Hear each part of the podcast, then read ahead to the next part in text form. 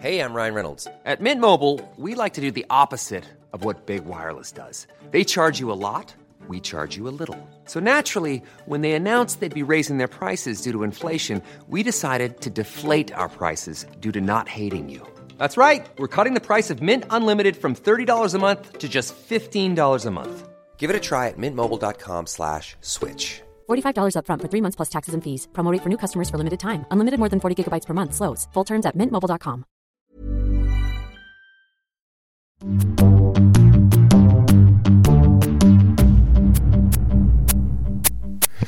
välkomna till ett nytt avsnitt av podcasten Cyril och Stig i otakt med samtiden. Podcasten produceras av Storyhood. Dagens avsnitt är vi själva och är en årskrönika kan man säga, en årssammanfattning. Eh, innan vi sätter igång vill jag påminna om att eh, man kan köpa vår öl Ollot på Cyril och Stig på Systembolagen på Söder och vissa utvalda krogar. Eh, och eh, det kan man se på våra sociala medier, Cyril och Stig på Facebook, i otakt med samtiden på Instagram. Vill man gå och skriva kurs eh, första och tredje helgen i februari ser det ut som det blir av i Tallkrogen i Stockholm. 6 000 kronor för fyra dagar. Då mejlar man Cyril och Stig gmail.com. Jag är också aktuell med eh, prosalyrikssamlingen Slå mig så hårt du vill som på julafton också släpptes som ljudbok och gick rakt in på topplistan för lyrik och dramatik. Plats nio, det är bara den där Ulf Lundell och Viktor Rydbergs Tomten och Märta Tikkanen som ligger före. Vad, vad, har du något att säga om den Stig? Du var lite orolig att det, Ja. skulle vara skit. Jo, nej, men alltså, jag, jag fick ju ett första utkast och jag var väldigt upprörd. Jag tyckte du, du måste stoppa det där. Men å andra sidan, alltså du, den stora fördelen är att du beskriver en, en värld som inte riktigt har beskrivits och som är väldigt smutsig. Och du, du gör en beskrivning av framförallt av sex som jag tycker är obehaglig.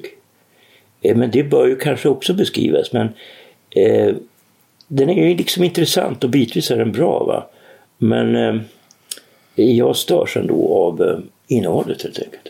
Det verkar ju lite konstigt att jag av alla människor ska ha sådana synpunkter. Men då ska ni nog läsa boken så kanske ni håller med mig. Men din och Knausgårds kompis Geir Angel Öjgarden, han, han sa, han var inte säker, men han trodde att det kan vara det bästa jag skrivit. Och han tyckte att den ändå var vacker i sin smutsfel och, och, och håller på att pusha för den på Norge, i Norge. Ja, men det är kanske för att jag känner det. Alltså jag tar lite illa vid mig eftersom vi känner varandra. Ja, ja. Okej, ja. Det, det, det, ja. Jag tror inte att den kommer faktiskt recenseras. Bland annat har vi ju dikten En skalp, så där jag skalperar Ja, en vi behöver recensent. Vi kanske kommer in på honom senare, Nej, vi har skrivit skit om min son. Vi behöver inte gå in på sånt. Han har varit i media nu att han känner sig illa omtyckt. Jag vet inte om det handlar om den här diktsamlingen. Vi kanske kommer in på det i årssammanfattningen här. Nej, nej, nej. Eh, Okej, men ja, okej, vad, vad, hur eh, har ju, vi sitter här, det är dagen innan nyårsafton. Hur har din, eh, vi sitter hemma hos Stig på Essingen. Eh, Stig dricker min polska vodka Sobiets. Jag skulle lite mer en ukrainsk. Eh, men jag hade lämnat dem till min kompis Pia vars hus vi ska låna skrivarkurs kanske på i sommar. Jag hade lagt all ukrainsk sprit och polsk hos henne för att jag inte druckit på fem veckor.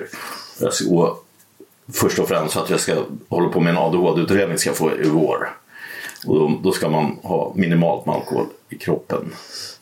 Eh, vad tycker du om den här polska då som du fick? Ja, men det var alldeles utmärkt. Hur julen har varit? Ja, det har varit bra. Så jag, jag firar inte så jättemycket jul, men jag var hemma hos min kompis Lasse. Han, gör, han är väldigt bra på att laga mat. Och vi, vi har, jag har gjort det flera år i rad nu. Att jag åker hem till honom och så käkar vi och så. Eh, Men annars så, alltså, jag, jag, gör ingen stor grej av är jul eller nyår. Samma här. Jag har bara legat och sovit eh, eh, över jul. Och sen var jag med i TV. Jag var ju med i sån här uppesittarkväll. Ja, det har undgått få. Kan du berätta om det? Hur kommer det sig? Ja, inte vet jag, men de, jag var ju med i den här cyklopernas land. Och så frågade de mig sen om jag ville vara med på den här uppesittarkvällen. Och det är ju, det är ju alltid en utmaning därför att man vet, jag har aldrig hållit på med julrim. Jag visste inte, tänk om jag inte kommer på ett enda rim. Eh, Jag lyckades komma på två Du skulle stycken. göra julrim. Ja. Ja. Det ringde folk. Alltså det, verkar, det ringde folk och ja. Stig verkar gilla den där. Det är en tjej som Stig verkar gilla den där Kajo. Är det för att hon är snygg? Jag bara nej. Det beror på att jag tror att båda två vet att hon är där för blatte alibi. Gay, gay alibi verkar de inte ens behöva för det verkar vara ett överskott på där. Inget fel i det. Men Stig är där för kultur... Eh, eh, alibi. Ja, ja. Jag menar, det var ju många skådisar där, bra skådisar. Eh, Maria Rickardsson, eh, vad heter hon? Lena Endre och jag menar Ma- Anneli Martin. Thomas. Eh, Thomas Hansson. Det var ju väldigt många. ja. men, det, men, men man kan väl säga att i skådespelaryrket ingår det att hora. Eller man, alltså det ingår att vara, att vara underhållande. Ja. Jag måste säga att vissa av de här personerna gör ett väldigt bra jobb på att vara underhållande. Man tar Tone Schunnesson och Anneli Martin till exempel. Men jag, jag tänkte snarare med, som, med kultur, med, alibi menar jag liksom så som en viss typ av författare. Eh, den här Elis Bero, att man kan säga att han är väldigt ja, Bob Hanssons arvtagare. Han, Bob Hansson och den här uh, Ranelid, de behöver det till, för att de är mer, eh, jag känner att de är mer förälskade i rollen av att vara en författare. Nej men alltså, än- jag, än jag, man, ska liksom inte klanka, man ska inte klanka ner på det. Alla har liksom sin plats. Och det finns vissa människor som gör sig, sig kanske framför allt bra i just den typen av underhållningsprogram. Va? Jag, bara, jag, jag, bara, jag kanske är färgad för jag läste något hemskt med, det var med Elis eh, fru som handlar om att de lever på existensminimum och är så fattiga men allt är värt för att de får komma på middagar med väldigt betydelsefulla människor. Och Ja, då ja, känns det ja. kanske som man har missuppfattat lite. Ja, ja, men alltså, nej, men jag tyckte det var trevligt och den där Kajo var en ovanligt trevlig tjej. Jag kände henne inte alls tidigare. Ja, så du tyckte det var kul i alla fall? Ja, då. Det tycker jag. Och vad, fick, vad har du fått för respons? En massa människor, du vet, eh, man åker buss och så här, tunnelbana kommer folk fram och så. Eh, mer nu än, det händer ju mig i stort sett varje vecka att det händer sådana saker, att folk kommer fram. Men ännu mer nu direkt efter det här. Jag kommer ihåg Olle Ljungström tyckte det var kul efter Så mycket bättre. Ja, nej, men alltså, jag, jag har ingenting emot Om det är underhållning och det är bra underhållning så vad fan då? Det är ju också bra. Men det kan ju samtidigt vara, jag kommer ihåg eh, när jag intervjuade Don DeLillo, han, han menade att liksom ett sätt att medelklassen att ta, ta, ett sätt att ta udden av något de är rädda för, det är att omfamna det. Jag själv såg det till exempel på Sebbe Staxet och då, då, då blir risken att han någon gång kring sen slutar med en fåra. Ja, men du har helt fel i att betrakta det som är bra som hotfullt. Alltså jag har inte alls den, kan man säga, antagonistiska synen på världen som du har. Jag tycker, vad fan då? Jag, tycker ju, jag vet ju Horace var med i Bingolotto och han tyckte det var trevligt. Eh, alltså, det, han var, gjorde ju någon sorts slager där med Benny Andersson som var riktigt bra. Eh, Alltså det finns ingen riktig motsättning mellan de där grejerna. Va? Man får göra det så gott man kan. Jag tror det- att det kan stämma till exempel på någon som Lars Lerin till exempel. Som med, med Saras dokumentärer så var han ju ganska liksom, det var en, där fanns det ju något farligt över honom. Men sen blev han allas liksom, mysfarbror. Ja, ja, vi behöver inte fastna vid Lars Lerin. Vi fortsätter nu. Ja, Okej, vad ska vi, vad, ska vi börja? Det som har hänt, präglat året mest om vi ska säga, det är väl utrikes egentligen. Vi kom Ja. fram till att det inte var, i, I Sverige har vi gängkrig och allt det här men Ja, det är ett väldigt allvarligt, det här året har ju varit ett väldigt allvarligt år. Och det som var mest eh, chockerande, det var ju det som hände i Gaza. Eh, vi börjar baklänges här ska man säga. 7 oktober. Ja, Förra podden, nej förra, förra podden. alltså jag märker det runt omkring mig, bland mina kompisar och så. Att det, det här är väldigt känsligt för att många har blivit eh, väldigt eh, hatiska mot Israel. Ja, och där är det ju som, vi, vi tog inte, jag vet inte om vi nämnde det där i, i, i den här Israelpodden vi gjorde förra, förra Israel-Palestina. Men vi såg det nog båda, eller jag var ju mer att Putin ligger bakom det här. För att han har ju haft Hamas där månaden innan. Liksom, att han att vill få bort fokus, han och Iran vill få bort fokus från dem själva. Och få USA att ge vapen till Israel och sådär. Men, men grejen är att Eh, Hamas har ju fått precis vad de vill. Lite, man kan säga att, att det här är ett nytt September 11 där, där också där Al-Qaida fick men USA alltså- dit. alltså- världen hatar USA kan man säga. Alltså uppriktigt sagt, jag tror faktiskt på, jag är verkligen ingen Eh, fan av Hamas, tvärtom. Men däremot så tror jag faktiskt på dem att de inte riktigt hade räknat med att det skulle drivas så långt. Va? Alltså det, det är väldigt svårt att organisera den typen av vålds... Eh, eh alltså det som hände när de våldtar och torterar barn och Alltså de jag håller på med de mest vidriga saker. Och det... Du menar alltså att Hamas hade svårt att vad de själva skulle göra? Att de skulle precis. lyckas döda så många? Alltså, jag tror, att de, jag tror att de blev förvånade och jag tror inte de hade räknat med den våldsamma reaktionen från Israel. Om man ser på den här våldsamma reaktionen kan man ju säga att det hela är väldigt dubbelt. Jag tycker att problemet i Israel och, och Palestina det är att det är aldrig så att Israel, man kan säga att jag är mycket eh, kritisk mot deras den här eh, politiken med nybyggare där i, i Västbanken. Och jag kan mycket väl tänka mig att, att många judar där uppträder på ett väldigt klandervärt sätt. Ja, precis. Och det, det, det, det har jag ju märkt själv i Israel. De flesta där, det är, det är ett gäng nötter som jag säger. För jag har ju fått komma i poddar och grejer för att jag har tagit parti för Israel. Det är ju inte att jag gillar Netanyahu. En miljon vill ju lämna Israel för, för det här han har gjort mot, mot inskränkt med, med lagar. Ja, alltså det, det kan man... Nu har han enat landet. Ja, man, kan, man, kan bara, alltså, man måste nästan vara emot Israels politik. Eh, därför att den är på något sätt rasistisk. Men däremot det som har varit problemet är att de här palestinierna och även länderna runt omkring dem vill helt enkelt förinta Israel. Ja men det är som Golda Meir sa att liksom om, det skulle inte vara någon krig om, eh, om uh, arabstaterna och Palestina la ner sina vapen. Om Israel la ner sina vapen så skulle de vara utplånade. Ja precis. Och, och det är det som och, är problemet. Och sen är det alltid det att om, du, om, det, om det inte om det är ett fredskrig, eller om det råder fred, vilket det ändå gjorde, eh, då, då sitter ju, och samma sak med Ukraina, den som blir anfallen sitter på den moraliska rätten. Ja, och nu använder då Israel, precis som i Bibeln, de kör ju då 20 gånger det som har dödats, det ska man då döda. Va? Det kan man tycka vad man vill om, men alltså det är ju samtidigt, de har ju då ett demokratiskt underlag för det. Det visar sig att i Israel så är befolkningen för det. Och ett problem är de är också en av de få krigsmakter, USA gjorde det faktiskt i Irak när de gick in, som, som varnar innan de ska bomba. De till och med ringer upp folk. Problemet är att Hamas eh, håller sitt eget folk som gisslan. Och eh, visst, jag håller också med om att nu är det för mycket, även om vi kan inte ens lita på siffror eftersom det är Hamas som ger siffrorna på antalet döda. Och eh, särskilt all Israel-motståndare i, i västvärlden beter sig ju konstigt. Att ena stunden ska, ska de eh, förringa Hamas dåd och mena att det här, det här, det, Hamas är ingen stat, det är en terrororganisation. Andra stunden hänvisar de till folkhälsomyndigheter i Palestina och sånt som är, styrs av Hamas som styr allt där. Och de hade ju liksom, särskilt, de har ju haft sina eh, ledningscentraler under sjukhus och sånt. Ja. Det är det som är problematiskt. Du har till och med enligt Genèvekonventionen rätt att ta de här sjukhusen.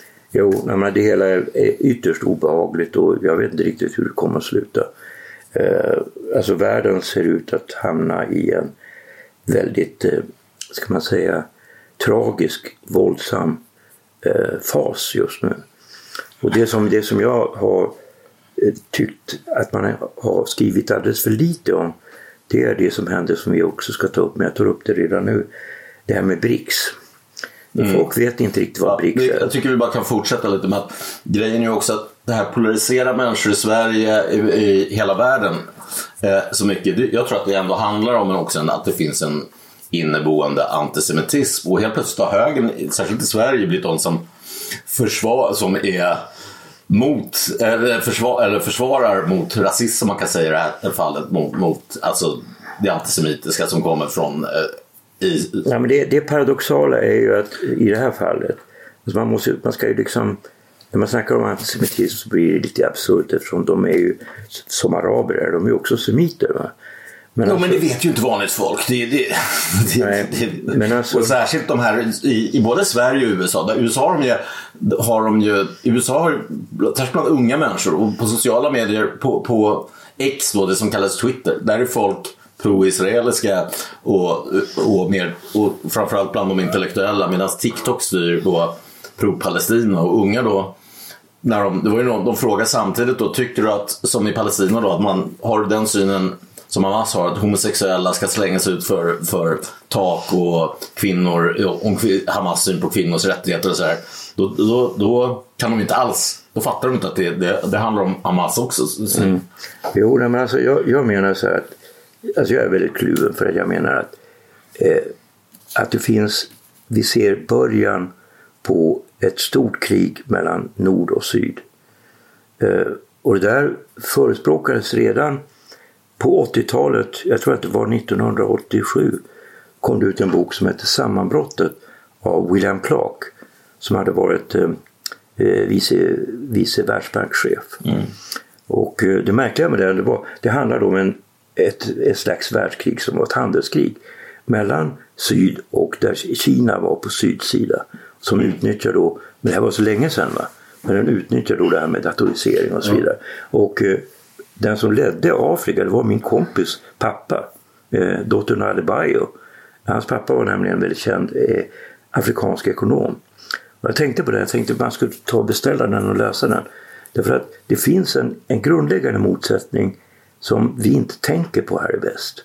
Mellan människor som tillhör, vi kallar, kallar det för tredje världen. Afrika, Asien, även Sydamerika. Och de, är, de är liksom grejen den, vi fattar inte att de inte gillar oss. Förstår du? Ja, men det, här, här, det var ju det jag menade med det här kriget också, att, att Hamas får som de vill. Man får, som det blev ett hat mot USA efter Irakkriget, att det har man nu igen mot USA och Israel. Men grejen är, det jag menar att det ligger också något antisemitiskt eller kanske långt bak den kollektiva skulden från andra ja. Men det är ju att man inte, som, som jag sa någon debatt, man bryr sig inte om... Det är lika många döda och konflikten har lik, varit lika länge den här i Armenien till exempel med Karabach. Alltså inte lika många döda, nej. Karel, de som fördrevs från Karelien, det är 70 år sedan. De har släppt det. Men det här med Palestina, det har aldrig ens funnits ett land som heter Palestina. Gaza var Egypten, äh, Västbanken var ja, ja. Jordanien. De själva vill ju inte ha, för att det har så radikaliserat, ha det tillbaka.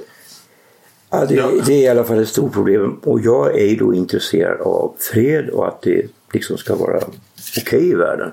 Och jag känner mig ganska brydd för jag upplever att här i väst är vi inte tillräckligt eh, lyhörda eh, för vad, hur folk resonerar utanför Europa och utanför USA, utanför de här murarna. Eh, det är alldeles uppenbart att de, att det är vissa saker här i väst som inte de gillar. Va? Jag tänker på talibanerna. Jag tänker på en sak som man har tystat ner här. Det är ju att talibanerna har bränt ner opiumskördarna. Eh, alltså att talibanerna redan tidigare, eh, innan då USA angrep dem, eh, så eh, brände de opiumskördar.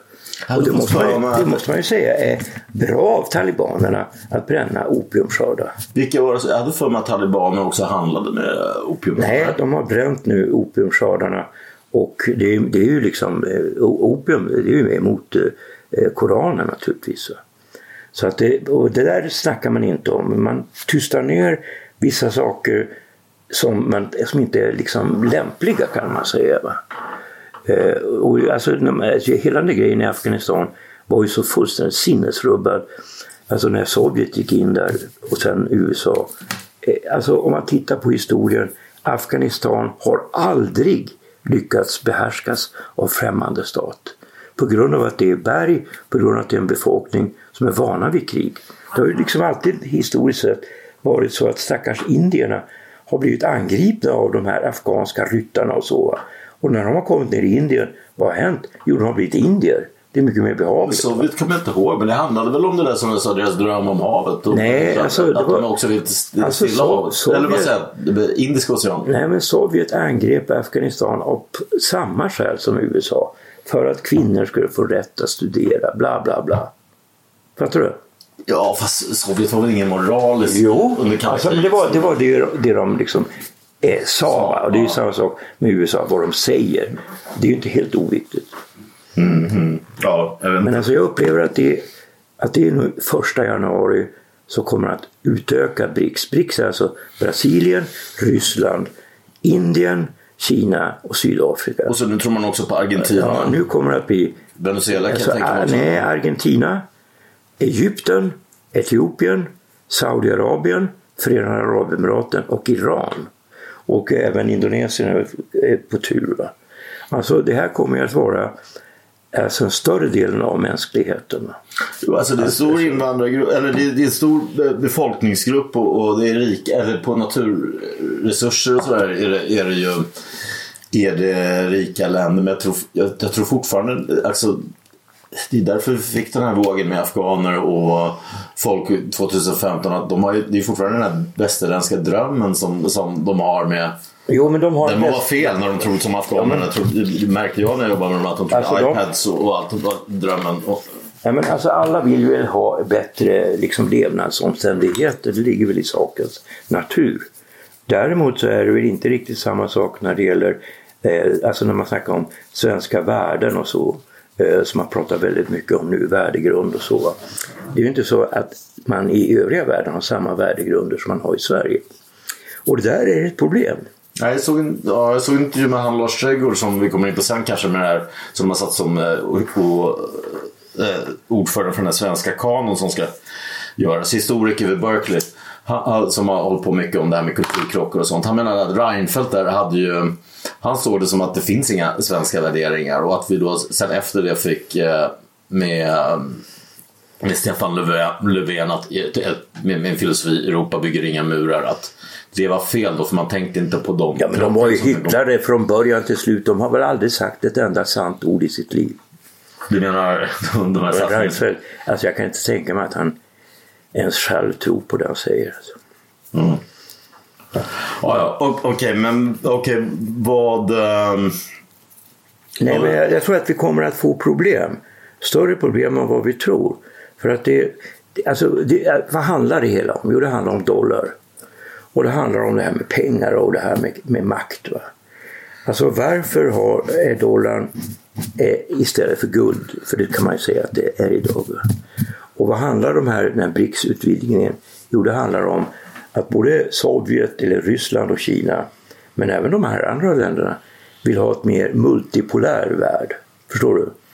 Mm. Och, eh, och det är emot då det här med, med dollarn. Men det drabbar ju inte bara USA, det drabbar ju även vi. Vi, vi drabbas också. Ja, och samtidigt har vi också det här med miljö som har också något som har präglat de senaste åren. Att, det, att, att det är absolut något som händer med klimatförändringar och sådär. Och där var det någon stor miljögrej i, vad var det, Qatar eller Dubai eller något. Och där man märker att de ändå de, vill, de, de försörjer sig på olja. Ja, alltså jag kan för lite om eh, ekologi om man säger så. Och som Ryssland har också sin ekonomi på där, där övriga världen kanske vill ifrån. Ja, alltså om jag kan för lite om ett ämne så uttalar jag mig inte. Så. Mm. Men vad ska, kan vi säga om Ryssland då? Där, där har inte sanktionerna hjälpt eh, så som man hade trott. Men eh, samtidigt så där, där är det ett utnötningskrig ser det ut som i Ukraina. Ja, alltså jag tror att det, det uppriktigt sagt så tror jag att det ser ganska mörkt ut för Ukraina. Eh, man vet ju inte, det kan ju förändra sig. Men jag tror att eh, det som kommer att bli problemet är att allt fler länder i Europa, Slovakien är nu första exemplet, men det kommer att vara fler exempel, vill inte lägga så mycket pengar på det här. Ja, man, man, alltså, man ser liksom inte något slut om det inte är så att man går med på en fred man delar upp det. Va? Alltså lite grann som Nord och Sydkorea är därför att om man fortsätter med kriget och ser då slutet, att det positiva slutet skulle vara slutet på Ryssland, ungefär slutet på Sovjetunionen, så vet man alltså följderna av det.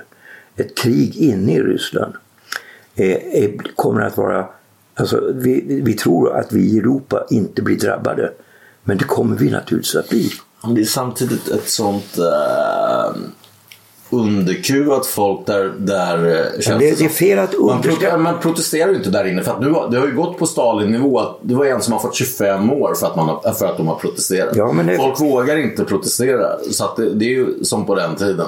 Ja, men alltså och det jag... gör att du inte har någon motståndsrörelse. Nej, men jag, jag reagerar, jag måste ju ändå säga hur jag reagerar. Och jag reagerar rent känslomässigt.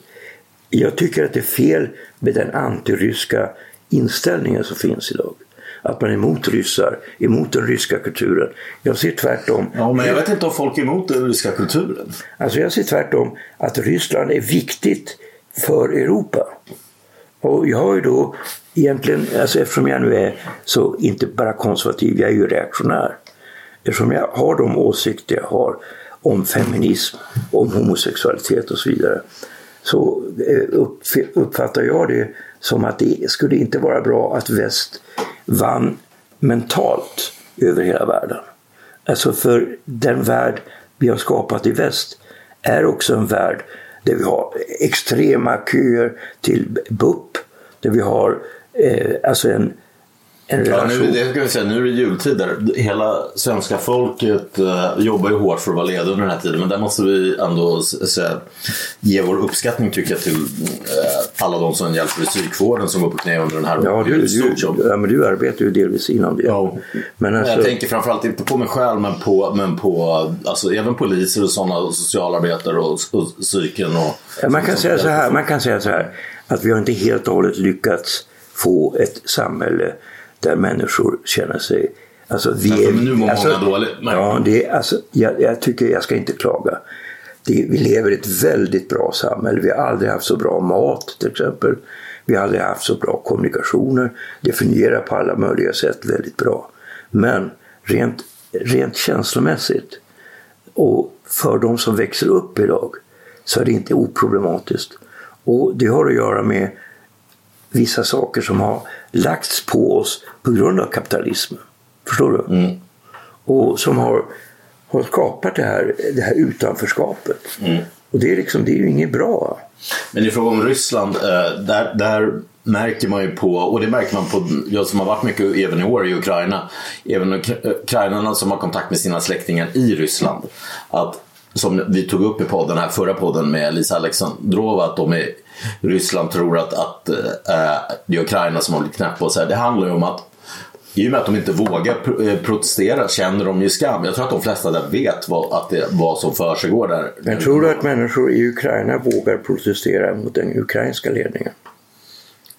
Det tror jag. Det tror jag. Och där, det är ju kritik mot... eh, Ja, de, den är- de har ju varit korrupta och det har Ja, varit... Kly- Klitschko som du har träffat, då, jag har haft kritik Träffade mot honom igen Zelenskyj. faktiskt. Andra. Ja, vad sa du? Ja. Han har haft kritik mot Ja, men Zelenskyj. de har ju kritik mot Klitschko också. Han äger ju porrklubbar och såna här grejer. Liksom. Det är Jo, men alltså, ja, men alltså, grejen är den, när vi snackade då med Axel Burenius, jag tog upp det tid, eh, senare efter, efter vår podd, så tog jag upp det där med att i Ryssland har vi ju dissidenter. Här i Sverige har vi inga dissidenter. Därför att här i Sverige så, det är inte så att vi hamnar i fängelse, men här i Sverige så har vi det man kallar tidigare för åsiktskorridorer Ja, mm.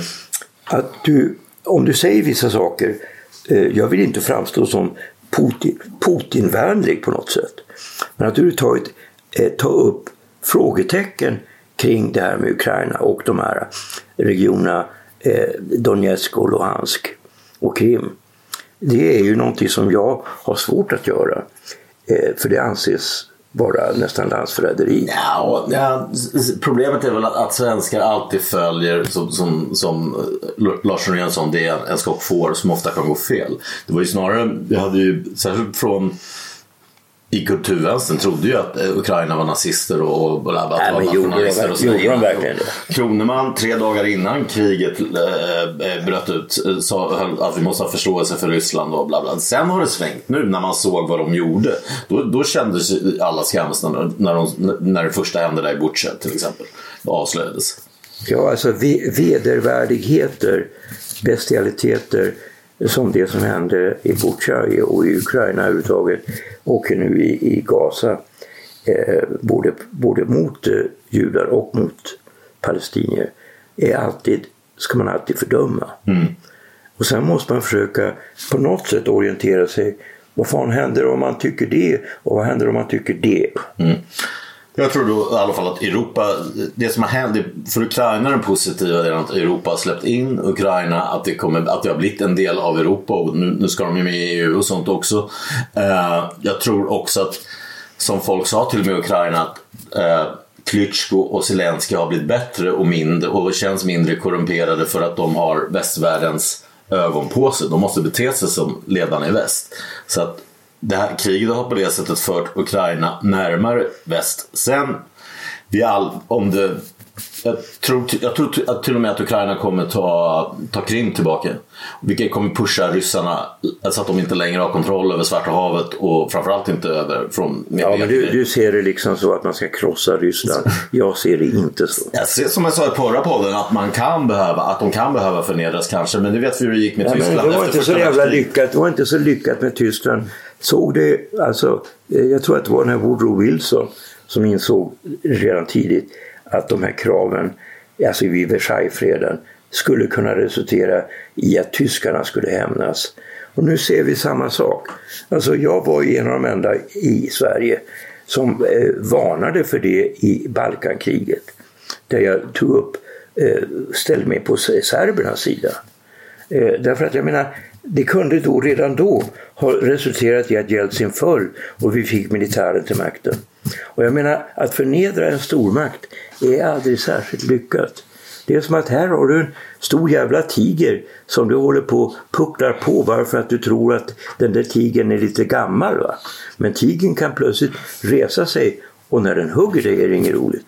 Ja, men sen är det också alltid när, när, när, när en fred väl kommer så blir det eftergifter alltid från båda sidor. Så det är, möjligtvis, det är möjligt att Ryssland kommer kunna behålla eh, de största delarna av Lychansk och Donetsk. Men de till exempel, och så Ukraina förlorar dem, men de å andra sidan vinner kanske Krim tillbaka. Jag tror att det kommer bli något sånt. Men kriget är ju redan nu ett utnötningskrig och det kan pågå Ja, men krig, krig är alltid, vi som inte, du har ju ändå varit, haft lite närkontakt med krig. Jag har inte haft det. Men krig är alltid mycket, mycket värre än vad man tror. Det är det ju. Och alla, all, alltså man pratar ju bara om civila men det är ju hemskt också för, för uh, de ryska och ukrainska pojkarna. Alltså det, är, det är 70 000 ukraina, ukrainare som har dött. Kvinnorna där klagar på att det finns inga män kvar när jag var där. Mm. Eh, även män som jag mötte nu senast klagar på, så den bilden har vi ju inte fått. Att, att de har också liksom fått mat och de har trasiga eh, grejer. Att liksom, även de sa det är 50-50. En del män som jag mötte som var hemma på permissioner och sådär. Eh, ryssarna har ju också förlorat säkert 100 000, 120 000 ukrainska män skadade. Sen är det civila, ja, man pratar mycket om de här 20 000 civila som Hamas säger då i Palestina. Och det tror jag också, det, det, är mycket, eh, eh, det, det, är mycket möjligt att det stämmer men det är också du har ju de här siffrorna i Ukraina och, så, och andra områden också. Så. Jo, men alltså jag tror att det finns ju någonting, alltså det finns alltid folk som tjänar på krig, som vinner ekonomiskt på krig. Och det måste man ha i åtanke när man försöker förhindra krig. Ja, USAs krigsmakt tjänar ju på att bygga till Ukraina. Ja, men det gör ju även Bofors till exempel. Ja. Men alltså jag, jag, menar då att när man tittar på det kan man säga strategiskt eh, det här med Ukraina. Problemet, jag, jag tänker på en snubbe jag träffade i, i Schweiz eh, 95 eh, som var vice VD för Deutsche Bank som var svensk. Eller It's that time of the year. Your vacation is coming up.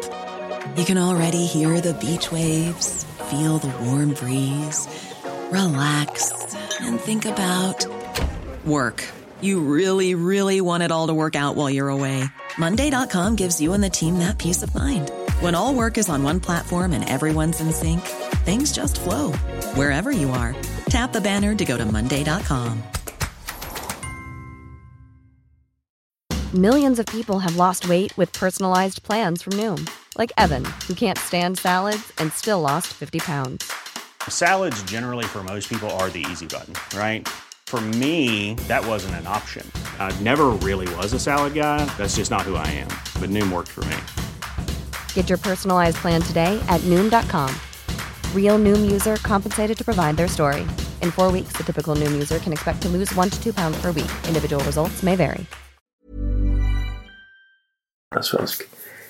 Han berättar ju då att, att efter murens fall så var det ju framförallt så var det till och med bättre än Sydkorea var, var det att satsa pengar i södra forna DDR. Och han sa Slovakien inte att förakta.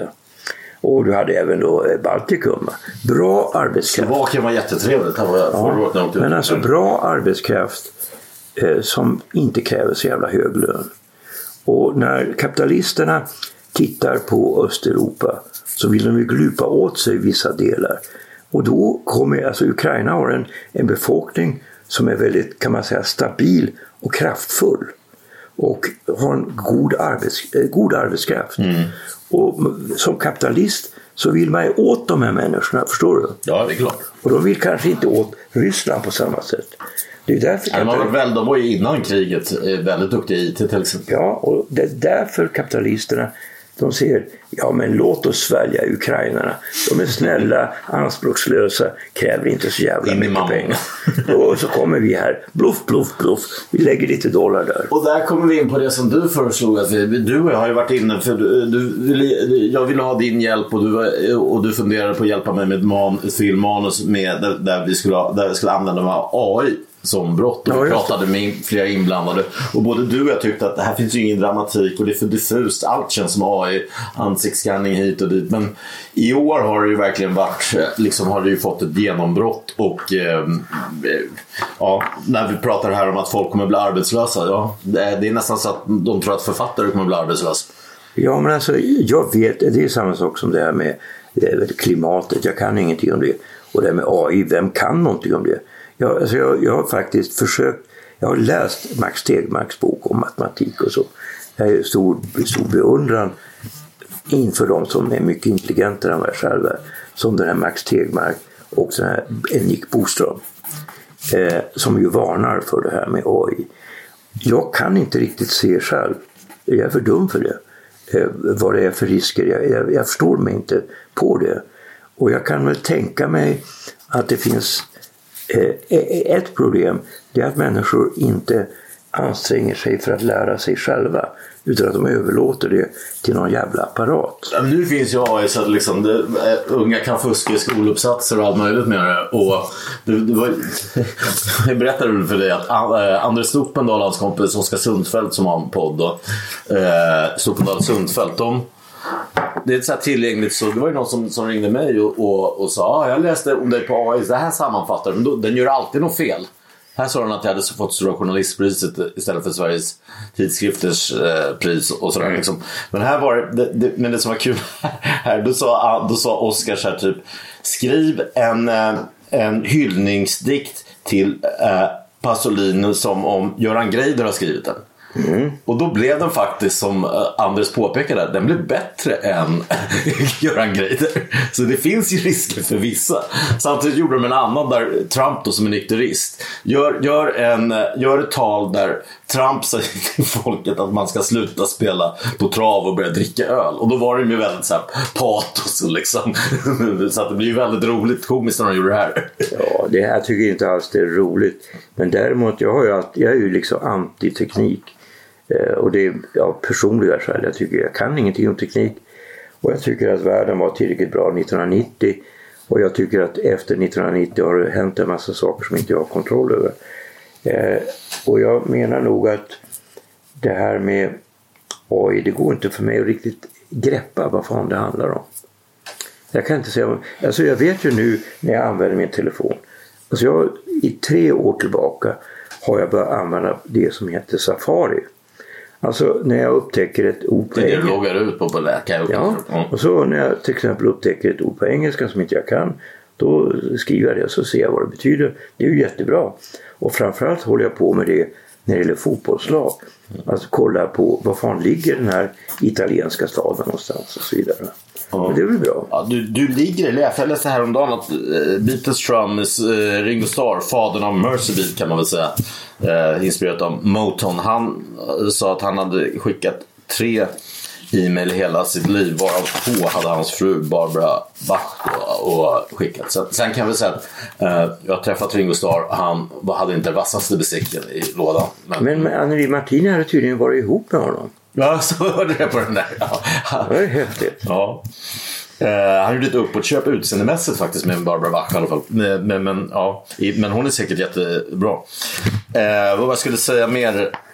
Nu, det här glömde jag skriva upp på, på vad vi borde ta upp med, med, med fotboll. Den här, den här superligan som det, folk tyckte var så hemskt förut. Ja, eh, nu börjar det snackas om att den ska genomföras och att eh, Fifa har, har ett monopol de inte bör ha. Det känns Ja, men, nej, men jag är, emot, jag är emot Superligan. Även om mitt lag Real Madrid är för det, är jag emot det. Eh, jag tycker, jag tycker alltså fotbollen är en så global och tung sport och har så många fans som dessutom har ett visst våldskapital.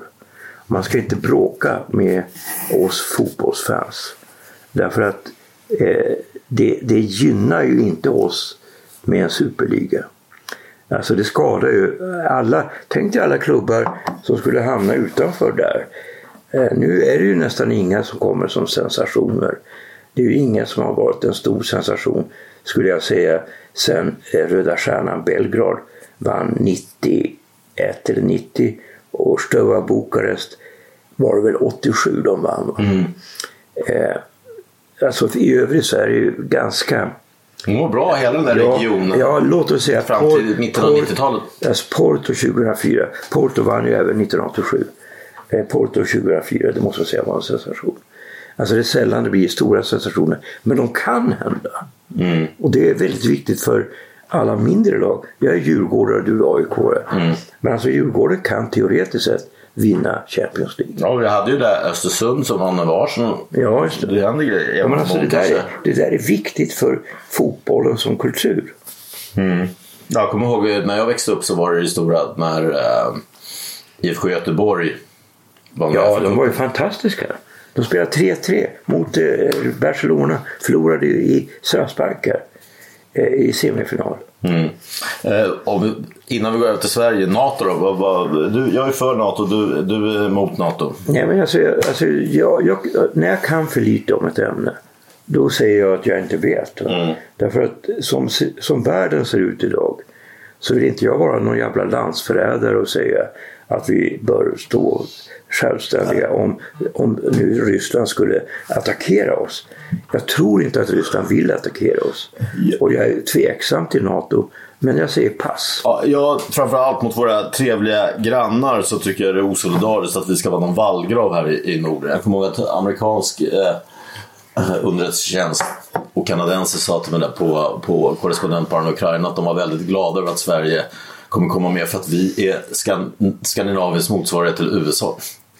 Ja, nu ska vi och nu har vi luftherravälde och vattenherravälde kan man säga. Ja, men nu ska vi inte överdriva och jag tycker att jag, jag, är försiktig och jag tycker att det är otäckt alltihop. Mm. Men amerikanska soldater är redan på plats. Så att den här Erdogan kan väl hålla på och gnälla och Orban i Ungern mycket de vill. Så att vi kommer komma med i slutet av året. Det tror jag nog också att det kommer att bli så. Eh, Okej, okay, men ska vi gå på inrikes? Du tyckte att vi inte skulle prata gängkrig. Jag, jag tar ju upp det i min egen den här slå med så hårt du vill, för det drabbade ju mig. Nu, nu är det ju lugnt, men även min son blev drabbad då i rättegång mot eh, ja, några ja, ungdomar från det, eh, det Afrikas gathorn alltså, som hade hittat på alltså, skuld för att fler, de hade och fler, fler och fler vänner till mig.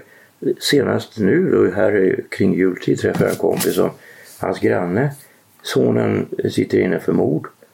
Eh, och har vad heter det, Foxtrot-nätverket efter sig. Ja, min, son, alltså, min son gick ju fotbollsgymnasiet, gick ut i Östersund. Där hade de ju då hört att hans, trots att det är jag som då ombesörjer, hans mamma har mer eller mindre tagit handen ifrån honom jag skriver. Eh, hade de hört då att han har växt upp i Djursholm så då tror de att att han är rik och då hittar man på en skuld. Liksom. Ja men alltså det hela är fruktansvärt obehagligt. Så var med Abdullah Karim och ja, det hela är väldigt, det är väldigt obehagligt och det resulterar ju också i någon form av Alltså, som är också obehaglig, någon form av rasism. Alltså. Mm. Eh, jo, jag, jag har ju, du, du, såg ju min, min bok där att jag tar till ett ganska grovt språk där. Men det är ju för att jag vill att det ska kännas. Och så kände jag ju då också. Ja, men jag kan förstå de som blir drabbade av av sådana saker, att de också reagerar spontant och känslomässigt. Som, som, jag säger, som jag säger i den här provsurexamen, som jag skriver, är att jag har ju också sagt att alltså, kriminalitet, våld, utanförskap eh, kommer dåliga erfarenheter. Men vad ger de här somaliska tonåringarna rätt att eh, råna och slå ner min son för att han har en Moncler-jacka som, som han till och med, inte ens hans föräldrar, som han har jobbat för och känner ihop.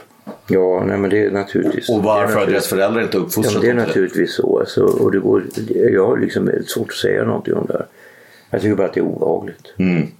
Vi har något färre mord i år men uh, vi har uh, lika mycket skjut ännu mer skjutningar, sprängningar. Och, sprängningar. och vi har uh, mest inne på, det har börjat lugna sig nu och det kanske beror på att vi har faktiskt mest inne på anstalter i hela Europa. Ja. Så det, har, det gick ju åt helvete känns det and, första invandringsvågen där är alla överens om med arbetskraftsinvandring var lyckad. Sverige kanske borde se tillbaka på den nu och lära en. Ja, nej, men alltså det, det finns ju väldigt mycket naivitet och man kan säga det, jag är då vänster men vänstern är väldigt mycket skuld i den naivitet som har funnits i den svenska diskussionen. Där man har vägrat se vissa problem. Ja, det var väl det. Säg att den här Lars Trädgård som har blivit eh, ordförande för den här eh, litteraturkanon som ska införas. En historiker har man satt in då. Lite ovanligt, men det kanske är bra. Han... En litteraturkanon låter ju vansinnigt. Ja, du kommer ju ingå i den. Ja, men det tycker jag vill inte. Ja, men jag tycker det är bra att, att det här är ju liksom det som man med och Då kommer ingen att vilja ta, läsa ta, mig. ta, ta, ta en sån som Strindberg som, som, som också gick emot sin, sin tid. eh, Som var utmobbad här men fick brev som folk lyssnade på i Danmark och Norge. Att, att det är ju bra att svenskar får se att, eh, att han finns, att vi har honom. Ja, alltså, jag, jag, jag måste säga pass där också. Jag tycker de som vet- oftast gnäller mot litteraturkanon och ojar sig, det, det är Aftonbladets kultursidor. Men där känns det som att de, de vill att en, om vi då skulle ha en kulturkanon så skulle det vara eh, våra samtida invandrarförfattare som jag menar Anledningen att de har hyllat dem det är ju för att de är försvenskade. Oftast har de sådana här, men, men vissa har, har, har svenska mammor och sådär. Det är ju inte så att Ken kommer ingå i, i någon litteraturkanon. Som skriver farliga raptexter eller något sånt där tror jag. Nej, men alltså, jag, kan, jag kan inte uttala mig om det. Jag tycker bara att hela diskussionen är obehaglig. Du, tycker, du är emot en litteraturkanon? Ja, det tycker jag. tycker bara, alltså herregud, när jag gick i skolan så vägrade jag läsa, låt säga Verner von Heidenstam. Ja, Jag kommer ihåg att jag hade, jag hade motstånd mot honom och Selma Lagerlöf också. För att Ja, de nej, men det var ju sa dumt. måste- Verner von Heidenstam är en fantastisk författare och poet. Och eh, det tog mig ända till jag var, jag upptäckte honom när jag var 50 år. Det är ju fruktansvärt. Och för mig var det samma med Selma Lagerlöf. 30-årsåldern var jag när jag började ta den jag. Nej men alltså eh, att hy- hylla författare och säga att det här är någonting du ska läsa.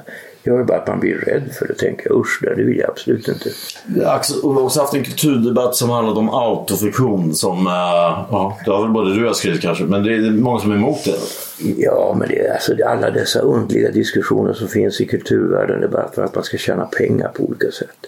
Man ska skriva en debattartikel, Men tror mot eller för, bla bla bla. Ja, det handlar ju om såklart tjäna lite pengar. Ja, 2,5 på en debattartikel, det visst.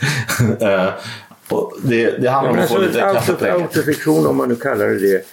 Eh, jag tycker att det är... Strindbergs Inferno. Ja, nej, men alltså, det är väl naturligtvis så att, att orsaken till att man har den här diskussionen är att litteraturen, ja, litteraturen befinner sig i någon form av eh, sluttande läge. Va? Och det där tar jag upp i min nya bok som kommer i maj. Högt och lågt. Högt och lågt.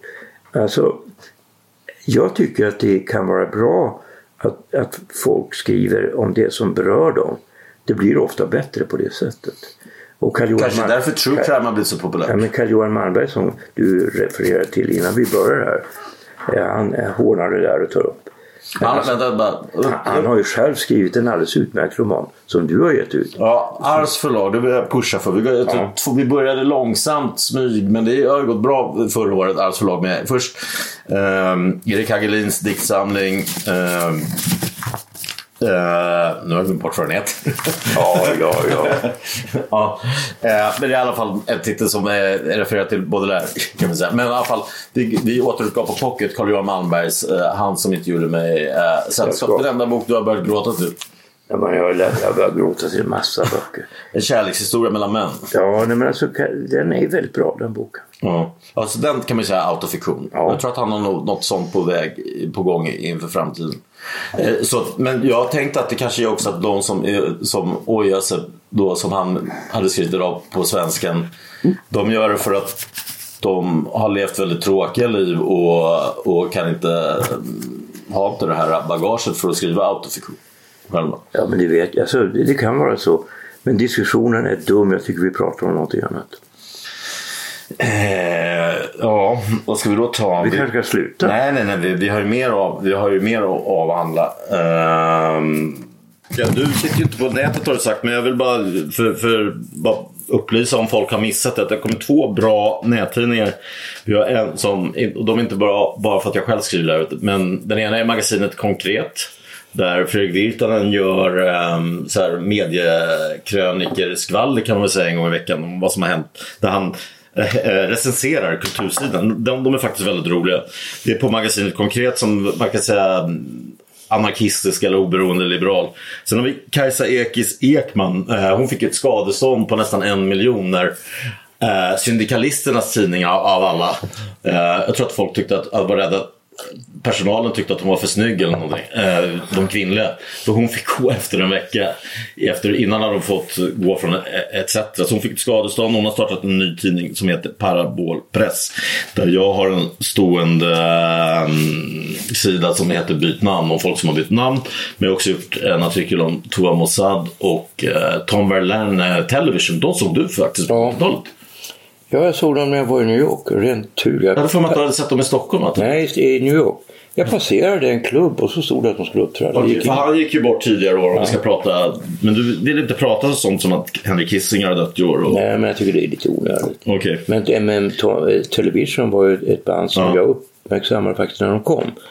Jag tycker de var väldigt bra. Tobbe Lem var en lysande gitarrist. Hans kompgitarrist, eller vad man ska säga, Henry Lloyd, han bodde i Stockholm men eh, var redan då heroinist. Så man har hört alla möjliga historier om den Jag har ju lärt känna eh, Paul Simon i, i Clash, Clash också. Ni går på tjurfäkteri? Ja, alltså han tillhör det här, det är som ett gäng kring min kompis Tom Källare som är sådana aficionados. Mm. Där även, jag har inte träffat honom men där även eh, en prins av eh, eh, Habsburg eh, är del, del av.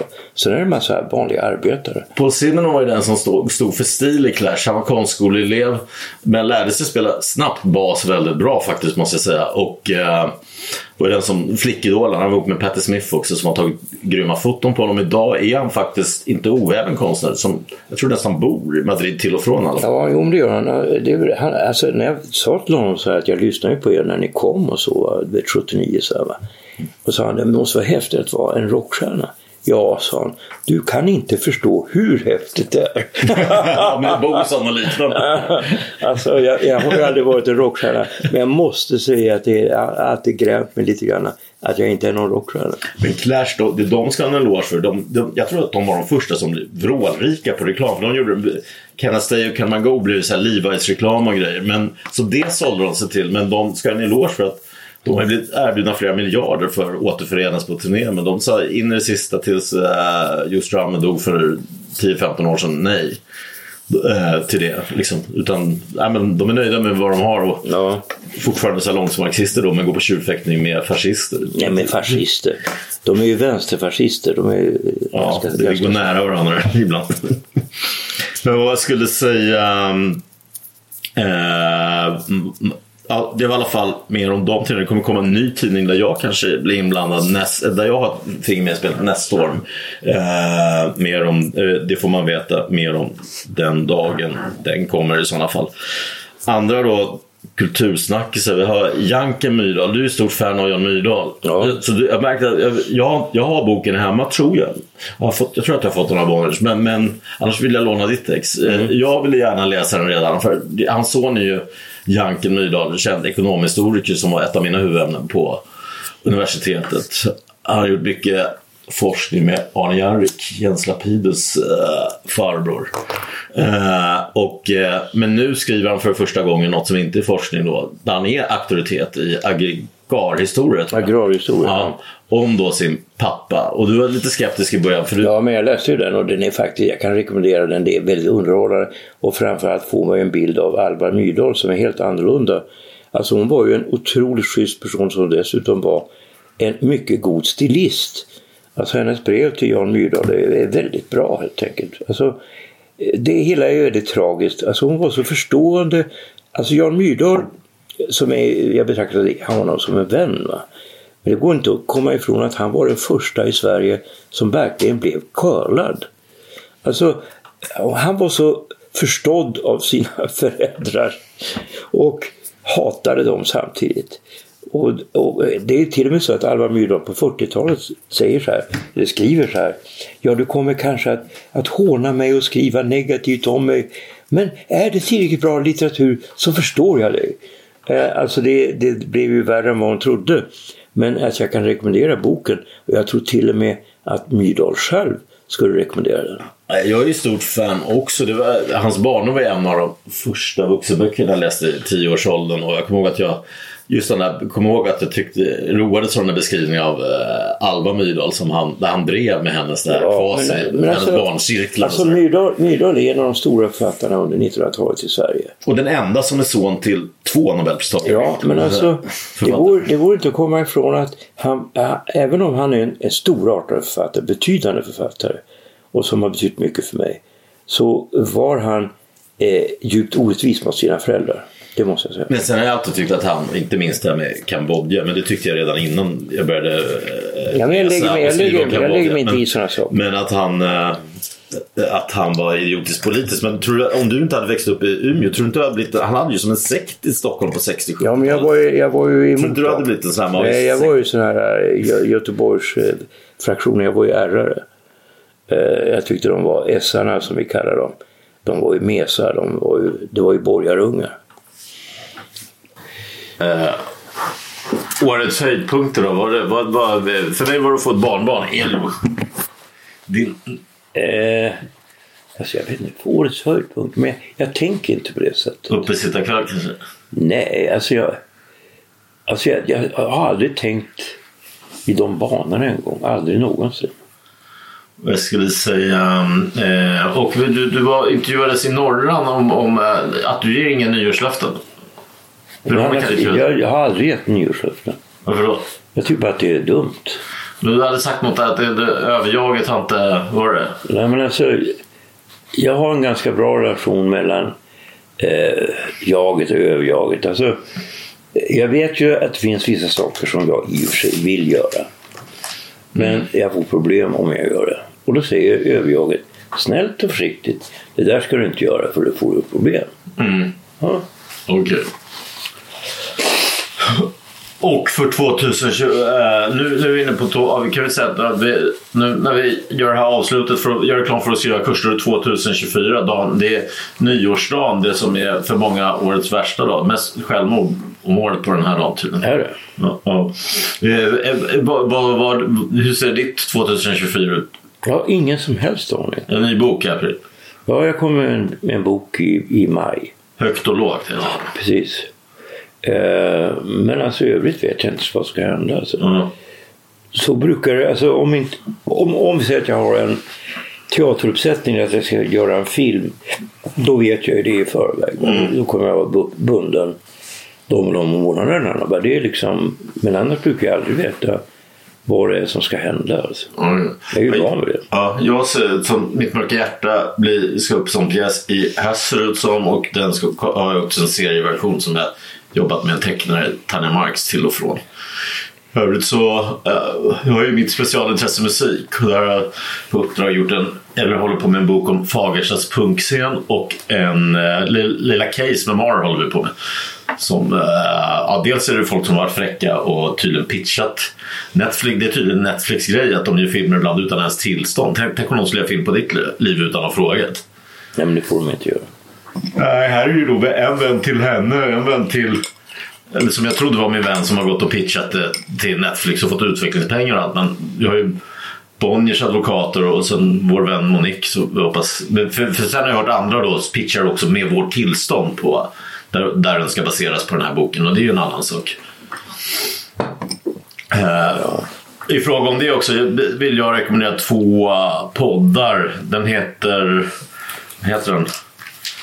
Eh, som gör, eh, man kan slå Tony Visconti och eh, Bob Esrin. Två, det, det, så kommer intervjuer. Det är en podd som, en amerikansk podd som är specialiserad med producenter. Eh, Bob Esrin pr producerar då Lou Reed, Kiss, Pink Floyd bland annat och Tony Visconti, Mark Bolan och David Bowie. Eh, det är framförallt de som är intressanta att höra. Hur går du har ju ditt specialintresse lingvistik. Har, har du något? Jag förstod det när du läste, när det första du ringde med min diktsamling var ordet fyra på, på polynesiska som jag skrivit i den här dikten om hon i Göteborg. Nej, fem, ordet fem. Så, som Håkan Hellström har gjort, Känn ingen sorg om Göteborg. Att, hur många språk har du koll på egentligen? Om du kan det på, på eh, Nya Zeelands Ja, jag, har en del, jag har en del koll.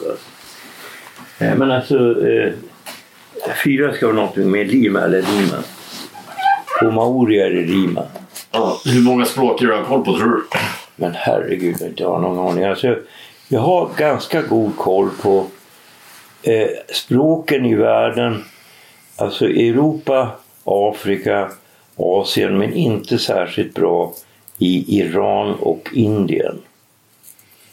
Men i övrigt Iran trodde jag var persiska, trodde jag. Det var så här Ja, men det är, så, det är väldigt rörigt där. Alltså, det finns ju... Alltså det, finns, det stämmer inte det som är... Alltså, iranska språk delar man upp i nordvästiranska, sydvästiranska, nordöstiranska och sydöstiranska. Men de där stämmer inte överens med där de ligger. Och där har inte jag lärt mig. Det är banal grej, jag skulle kunna lära mig när som helst men jag har avhållit mig från vissa delar av världen.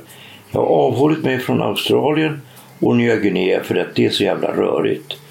Jag Australien menar du då? Ja. Aboriginal språk? ja. Jag har avhållit mig från Nord och Sydamerika. För det är också för rörigt, min hjärna är för liten. Men sen har vi Nya Guinea. Det finns för flera hundra språk där. Ja, det finns ju över 700 språk. Eh, men alltså, jag kan inte så mycket om dem. Nej. Okej, ja, innan vi går in på det här med skrivandet. Jag tänkte förresten, jag läste också att uh, Netanyahu då, samtidigt som Israel börjat dra tillbaka marktrupper så Netanyahu tror att det kommer pågå längre det där kriget. Uh, så ja. Problemet är ju att man inte, att man inte eh, kan rapportera där inifrån.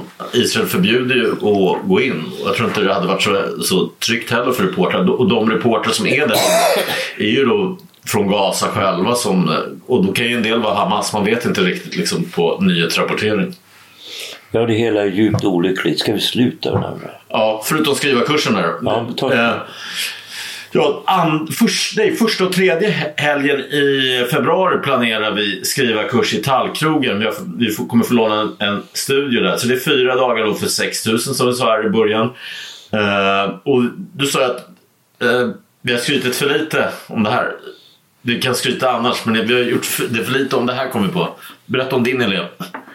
Kommer med jag, folk jag hade en elev på när vi var på kursverksamheten som helt enkelt var i stort sett klar med sin roman.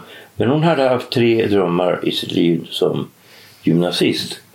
Dels var hon kär i en kille så hon hoppades få honom. Dels hoppades hon kunna få en segelbåt till slut. Och dels att de skulle då resa med den segelbåten till Medelhavet. Och att det skulle bli en roman. Och alla de där grejerna eh, genomförde hon. Och boken som jag har här i bokhyllan eh, vad heter hon? den he, eh, hon heter Elisabeth Fernström och boken heter Havet håller oss samman. Den är faktiskt riktigt bra. Var din elev du har haft innan vi körde våra? Eller? Ja, precis. Alltså, därför att hon... Det är en ganska konventionell bok. Jag har ju läst det och jag gillar den här Björn Larsson som skriver seglingsböcker. Eh, och eh, det, det blir väldigt tacksamt att skriva mänskliga relationer. Det finns ju också S i glädjen av, av Ja, ja. eh, Ingela, nej, Ingela Alvén. Ja. Eh, Jag känner hennes äh, systerson. ja. Mm. De, är, de är barn till... Hon är barn till Hugo Alvén. Jaså, det visste inte jag. Men alltså den, den är bra också. Alltså, det, det är en ganska bra miljö att göra en, en, en roman kring. Alltså. Ja. Och om jag ska skryta också från, från våra kurser så mötte jag Lisa Langset och hon sa att hon hade en kompis, jag tror att hon sa att det var en han, så det är någon av våra manliga elever faktiskt då, som jag tyckte våra skri- ja förutom Per tycker jag de kvinnliga var bäst men den här killen hade gått då enligt henne Lisa då så här, har gått alla skrivarkurser värd namnet. Bland annat Biskops Arne och den här två och den här universitetsutbildningen i Göteborg. Tror det var någon i Borås. Och han sa att av alla då skrivarkurser han hade lagt ner flera år på var den han hade gått hos oss värd. eh, Den, den lärde honom mer än alla de andra tillsammans. Så det får man ju se som ett gott betyg. Ja, ja. Men jag vet ju ingenting om de där andra. Ja. Men vad är det vi, vi, ska, vi kommer lära ut? Vi kan väl lära ut allt? Reportage, roman? Ja, det beror ju alldeles helt och hållet, det beror helt och hållet på vilka elever vi får. Va? Vi försöker anpassa oss efter vad de är intresserade av. Ja. Eftersom jag och du tillsammans är ganska allround. Vi Ja. behärskar Ja. många områden om man säger så. Man kan väl säga att de äldre ibland har ju varit så att de vill pyssla med sitt, att de redan är inne med någonting och då får de göra det. De yngre har jag märkt att de gärna vill, som du är duktig på filmmanus, vill de gärna ha en dag till exempel. Ja, då kan vi ge dem det. Ja, och så är man intresserad av att gå den här kursen så då, då mejlar man Cyril och Stig at gmail.com.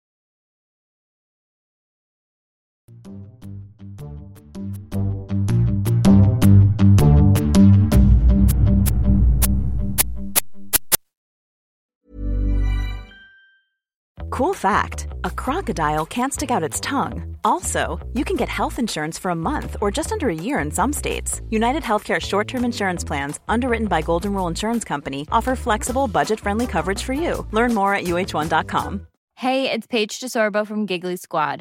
High quality fashion without the price tag? Say hello to Quince. I'm snagging high end essentials like cozy cashmere sweaters, sleek leather jackets, fine jewelry, and so much more. With Quince being 50 to 80% less than similar brands.